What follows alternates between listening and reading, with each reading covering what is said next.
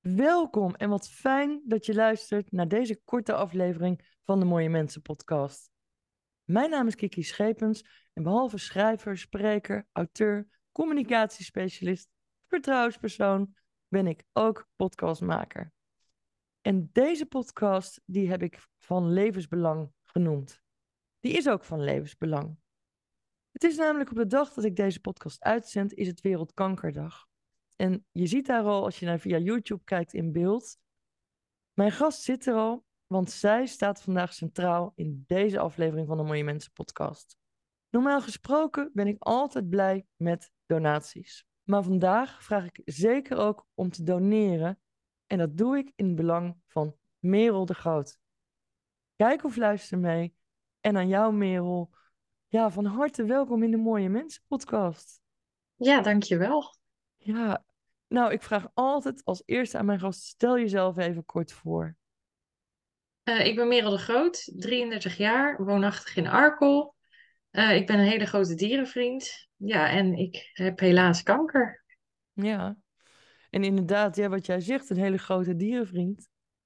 Want ik kwam via een familielid van jou met jou in contact. Toen ben ik op je Facebookpagina gaan kijken. En inderdaad, dan zie je in eerste instantie iemand die nou gek is op dieren. Konijnen, cavia's, een paard, een hond. Ja, En als je dan verder gaat kijken, dan denk je, oeh, het kippenvel ging echt over mijn lijf. Want bij jou is de diagnose kanker gesteld. Ehm, ja, kun je daar wat meer over vertellen? Want het is überhaupt nog bijna een wonder dat je nu nog in leven bent. Eh, ja, dat is, eh, ja, dat is eigenlijk wel een wonder te noemen, ja. Ja, augustus 2021 heb ik te horen gekregen dat ik eh, melanoomkanker had met eh, verschillende uitzaaiingen. Melanoomkanker is. Ja, dat is huidkanker eigenlijk, waar je altijd voor gewaarschuwd wordt van smeer je in in de zon, eh, let op je moedervlekken. Nou, inmiddels nu negen jaar geleden heb ik een moedervlek weg laten halen, waarvan de huisarts eigenlijk zei van nou, hij ziet er niet gek uit, hoeft in principe niet. Ik zeg nou ja, hij schuurt een beetje, hij zit op een plek waar precies elke keer mijn broekrand zit. Nou ja, voor de zekerheid toch maar opgestuurd van nou ja, we hebben hem nou toch weggehaald. Eh, bleek kwaadaardig te zijn. Heb ik een, eh, ja, een ingreep gehad in het ziekenhuis om alles weg te halen. Mhm. Maar zeven jaar later bleek toch dat eh, ja, alles was uitgezaaid. Ja, en alles was uitgezaaid. Ehm, waar in je lichaam bleek je uitzaaiingen te hebben, Merel? Eh, nou, hij, zat, hij is weggehaald op mijn rug en nu zat het dus in mijn buik op eh, drie verschillende plekken. Het zat in mijn long en eh, helaas al in mijn hoofd. En daardoor word je gelijk eigenlijk ja, aangemerkt als stadium 4. En stadium 4 houdt in dat zij niet meer gaan voor genezing, bij voorbaat al niet. En dat je eigenlijk gelijk in een levensverlengend traject terechtkomt. Mhm.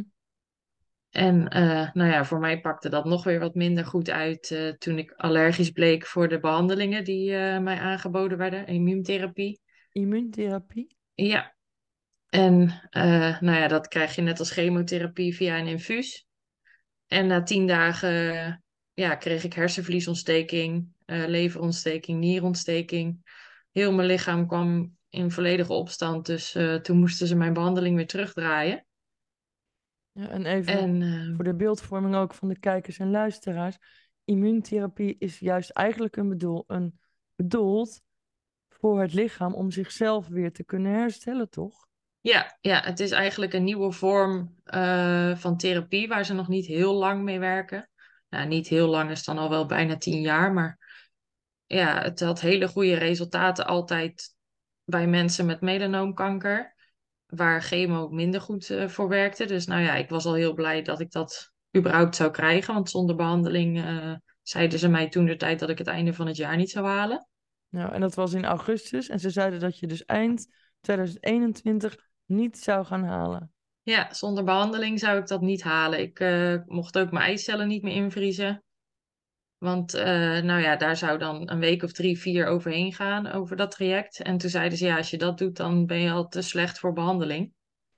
Dus nou, Nou, eh, ga er dat aan was wel, eh, nou ja, dat was wel even pittig, ja. Dat is niet echt wat je verwacht als je in gedachten met wat ze eerst zeiden, een ontstoken oogzenuw naar het ziekenhuis gaat. Nee, absoluut niet. Maar Dus, jij bleek dus allergisch te zijn voor dat stofje dat in die immuuntherapie zat. Ja, dat klopt. En toen? Ja, toen, ja, toen heb ik omkeertherapie gehad. Toen zijn ze dus uit gaan zoeken voor welk stofje ik allergisch was. Nou, dat bleek onder andere ook in antibiotica te zitten. Eh, nou ja, eigenlijk in alle behandelingen die in Nederland gegeven worden, ook de nieuwe therapieën zijn allemaal afgeleid van immuuntherapie. Ehm, ik ben zelf vroeger verpleegkundige geweest. Dus ik eh, ja, heb altijd al heel veel interesse gehad op medisch vlak. En ik was dus ook vanaf het moment dat ik ziek was al een beetje rond aan het lezen over nou ja, wat mensen met kanker nog meer deden. Bijvoorbeeld een dieet aanpassen, andere voeding. Eh, nou ja, dan kom je ook heel veel alternatieve therapieën tegen. En eh, nou ja, toen ik dus allergisch bleek, zeiden ze mij dat ik tot eind november geen behandeling meer zou krijgen. Zo. En toen dacht ik, ja, dan moet ik hier bijna drie maanden op mijn bed gaan liggen wachten totdat ik doodga. Want eerst, nou ja, zeiden ze mij dat ik mijn eicellen niet kon invriezen, want dan was ik te slecht voor behandeling. En nu zou ik dan zo lang, ja, zonder behandeling op mijn bed moeten blijven liggen. Ik dacht, ja, dat gaat hem niet worden. Nou, sterker nog. Dus eh, ja, Wat, wat zei je tegen de arts? Nou ja, dat zei ik gelijk. Ja, dat zei ik gelijk aan het begin eigenlijk al, want dan krijg je een datum te horen. Toen zei ik, nou ja, dat kunnen jullie wel zeggen. Maar ik eh, bepaal zelf wel wanneer ik doodga. Dat is niet aan jullie. Want ze plakken tegenwoordig overal een datum op. Maar eh, je hebt ook nog zoiets als wilskracht. En heel veel mensen lopen gelukkig langer dan wat de artsen voorspellen. gelukkig. Kijk, soms is het ook wel eens anders. Maar jij hebt wat zoiets van, nou, wacht even. nou ja, inderdaad. Ik heb zoiets van, mag ik dat misschien even zelf bepalen wanneer ik doodga? Ja, dus Ja, daadkracht en de strijdlust, die zit zeker wel in je. ja, maar dat heb ik vanaf dag één al gezegd. Dat mijn moeder ook tegen me zei van, nou, moet je niet ook een keer huilen? Oh, ja, misschien ooit wel, maar nu nog niet. nee. Nou ja, Ja. het lijkt me sowieso voor je moeder, voor je hele familie ook verschrikkelijk, hè? Voor, voor je vriend. Maar Ja, het is, natuurlijk voor jouzelf. ja, ja, dat vind ik altijd lastig. Ik denk dat het voor mensen om me heen moeilijker is dan voor mijzelf. Hm, uit. Want ja, ehm, ik heb het. Ik weet precies hoe ik me voel. Ik kan keuzes maken van, nou, ik ga ervoor, ik ga er niet voor. En ik geloof daar ook echt in. Maar andere mensen staan aan de zijlijn. Ja, en die kunnen niks voor mij doen om mij beter te maken. Ook al willen ze dat hartstikke graag. Mijn vriend zegt altijd, al moet ik mijn vingers eraf hakken. Hij zegt, ik doe het gelijk. Hij zegt, ik ben al onderweg. Maar ja, dat kan allemaal niet. Dat helpt allemaal niet, uiteraard. En ik denk dat dat het voor mensen om iemand heen wel moeilijker maakt. Het machteloze gevoel. Ze kunnen niet zorgen dat ik beter word. Nee. Nou ja, ze kunnen misschien wel eh, een bijdrage doen, want jij bent een crowdfunding actie gestart omdat je een alternatieve therapie hebt gevonden. Ja, dat Nou komen we zo terug op die crowdfunding actie. Maar vertel eens even, wat voor therapie heb je gevonden? Want het gaat beetje bij beetje toch een stukje beter met je. Nou ja, nadat ik dus allergisch bleek voor mijn immuuntherapie, eh, net voor mijn immuuntherapie was nog een scan gemaakt. Hm. Toen bleek dat ik in een maand tijd tussen de scans door al eh, meer dan 40 tumoren erbij had gekregen. Dus dat het echt het meest agressieve gen is eh, wat je kan hebben. Ja. Nou, dat maakte alles nog beangstigender natuurlijk. Toen heb ik in de tussentijd ook gelezen, nou ja, wat ik al zei over diëten, verschillende therapieën. En toen kwam ik eh, bij een RSO-kuur. Dat heet, dat is de afkorting van Rick Simpson Oil. Mhm. En dat komt uit Amerika. Dat is een man die met wietolie ehm, ja, eigenlijk mensen met kanker geneest. Zo claimt hij. Nou, in eerste instantie dacht ik ook, mhm. Want ja, waarom als dat zou werken, gebruiken ze dat nog niet?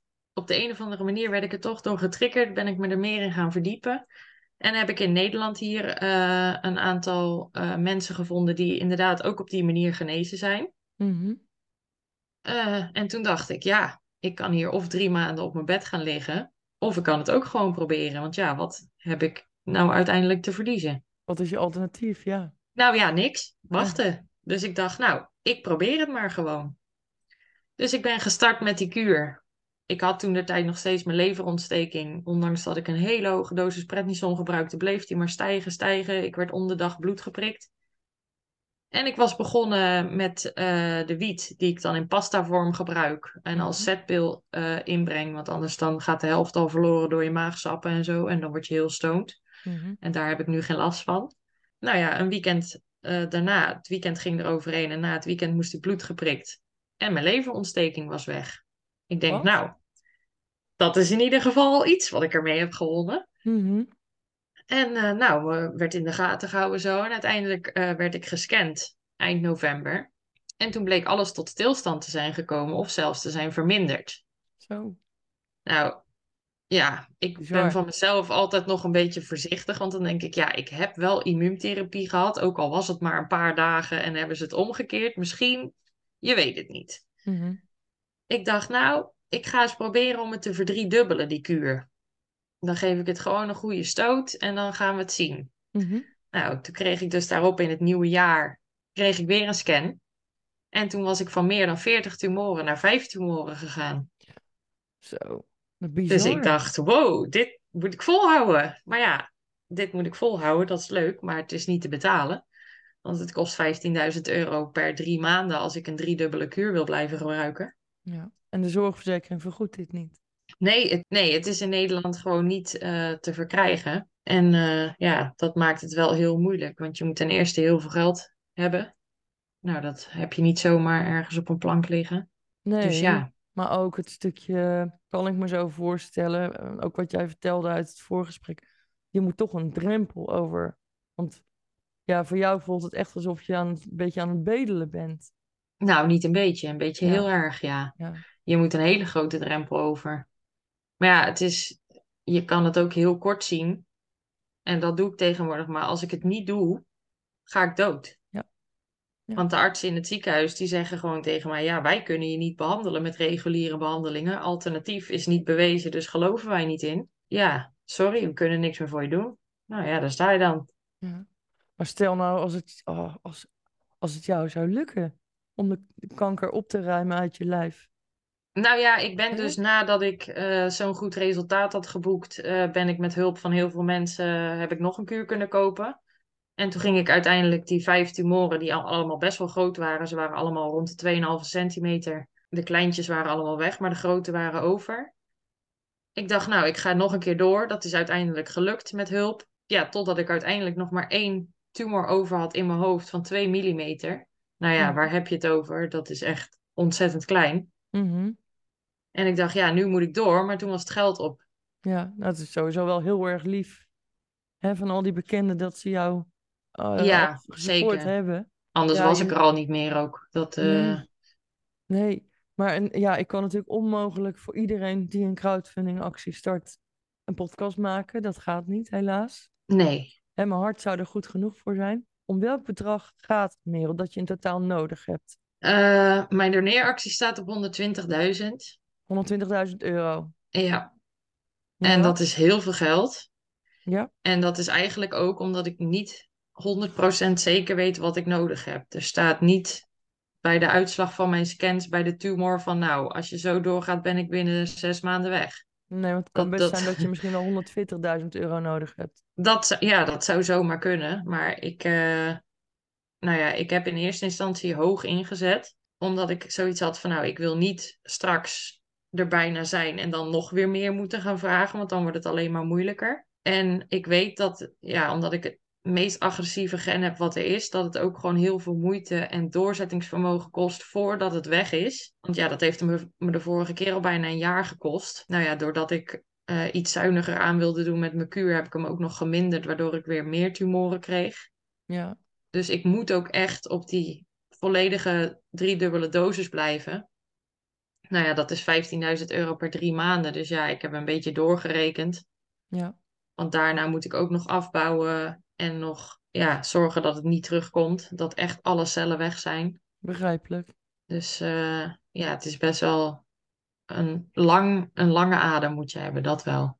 Ja, Als ja, je het zelf zonder hulp eh, moet doen. Ja. Je zegt hoog ingezet.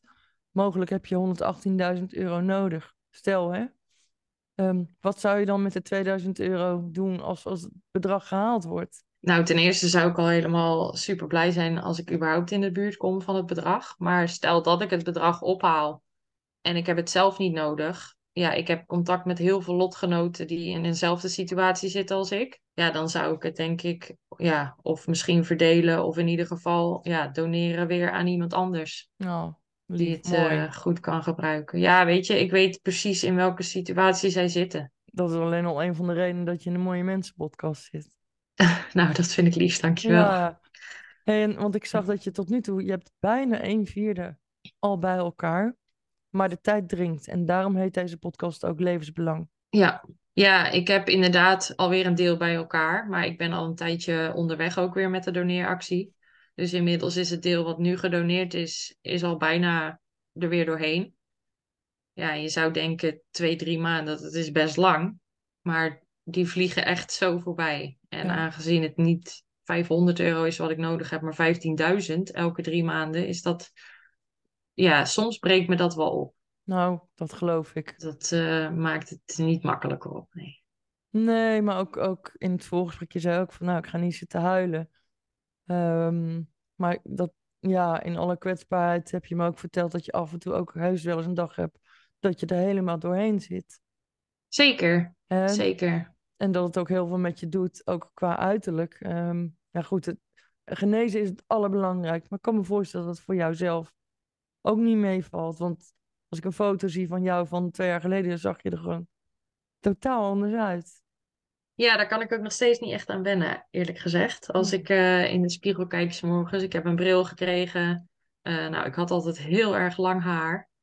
Eh daar is maar weinig van over. Het is echt nog maar een beetje een dun plukje met een paar van die rare krulletjes hier door nou ja, de bestralingen en de dingen die ik dan wel heb gehad. Ik ben bijna 30 kilo aangekomen door alle prednison. En nou ja, dat ik 10 weken op bed heb gelegen helpt er ook niet aan mee. Nee. Maar eh, ja, dat is ja, bijzaak eigenlijk. Maar het maakt het, eh, ja, als je er nog gewoon uitzag als jezelf en je voelt je nog goed, zou het allemaal al makkelijker zijn. Maar dat komt er ook nog bij. Het zijn vaak allemaal alle opstapelende dingetjes Ja. die maken dat je soms echt denkt van nou, eh, waar doe ik het nog voor? Ja, maar dat, dat is ook iets wat je vaker hoort, hè, van, zeker ook van jongeren van jouw leeftijd, hè, die met kanker te maken krijgen. Je zit eh, met misschien een hypotheek, eh, een kinderwens. Er komt zoveel meer bij kijken dan alleen de ziekte. Ja, klopt. En ook het feit dat, nou ja, in het begin, als je kanker krijgt, als je jong bent, staan er zoveel mensen voor je klaar. Dan staan ze in de rij om boodschappen voor je te doen, op visite te komen. Dan zit je hele, nou, elke dag met drie, vier, vijf afspraken, omdat mensen allemaal langs willen komen. Ja, en nu ben je al een tijdje onderweg en ik ben altijd van mezelf wel vrij positief. Maar dat geeft soms ook een vertekend beeld aan mensen. Mensen denken soms ook, oh, Merel redt zich wel, weet je wel. Merel is zo'n taaie, die, die komt er wel. Ja, Maar ook, ook Merels geven wel eens even, ja, zeg Ja. maar, op. nou weet ik ook dat jij een interview hebt gegeven aan de EO, de Evangelische Omroep. Er verschijnt binnenkort een artikel over jou in het tijdschrift Vriendin. Ja. Nu in de Mooie Mensen podcast. Ja, Waar heb jij behoefte aan, Merel? nou, ja, eigenlijk niet aan zo heel veel. Ik ben sinds dat ik ziek ben wel meer tevreden met kleinere dingen. En ik vind het gewoon al heel fijn als ik samen met mijn familie of met vrienden of, nou, het hoeft niet eens iets leuks te doen te zijn, maar dat je gewoon, nou ja, mensen om je heen hebt en eh, een keer een wandeling maken of iets leuks doen. Ja, met elkaar genieten. Ik denk dat als je ziek bent, dat je toch wel ziet dat een bucketlist van ik wil naar Afrika of ik wil naar Australië, die ging snel overboord. Dat doet er niet zoveel meer toe. Dan niet meer, hè?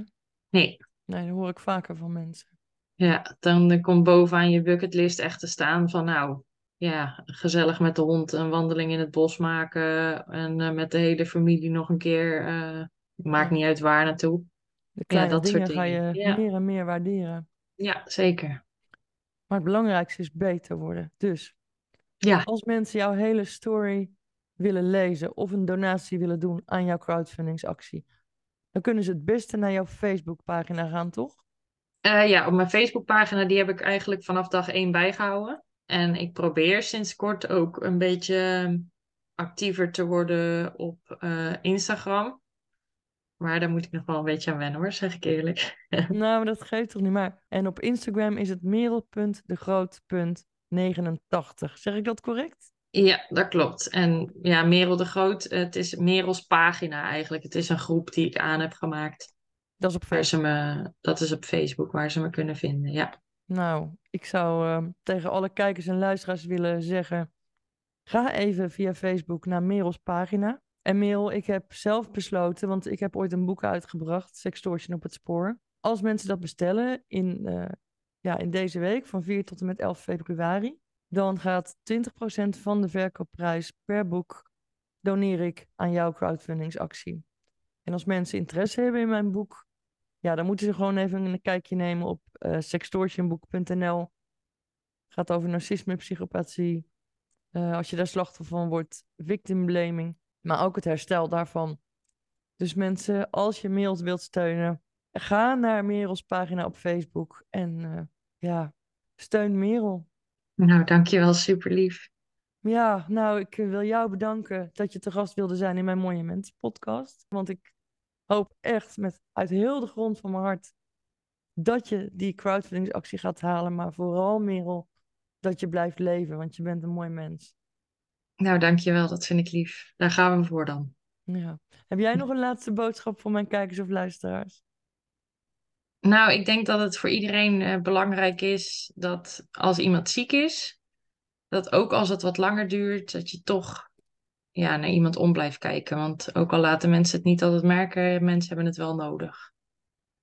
Dat vind ik een hele mooie boodschap om mij af te sluiten. Dankjewel, ja. Merel. En, ja, ja, jij ook bedankt. Kijk nou, kijk wat meer naar elkaar om. Ja, zeker. Oké, okay. nou, dank je. Tot de volgende keer. Ja, dankjewel.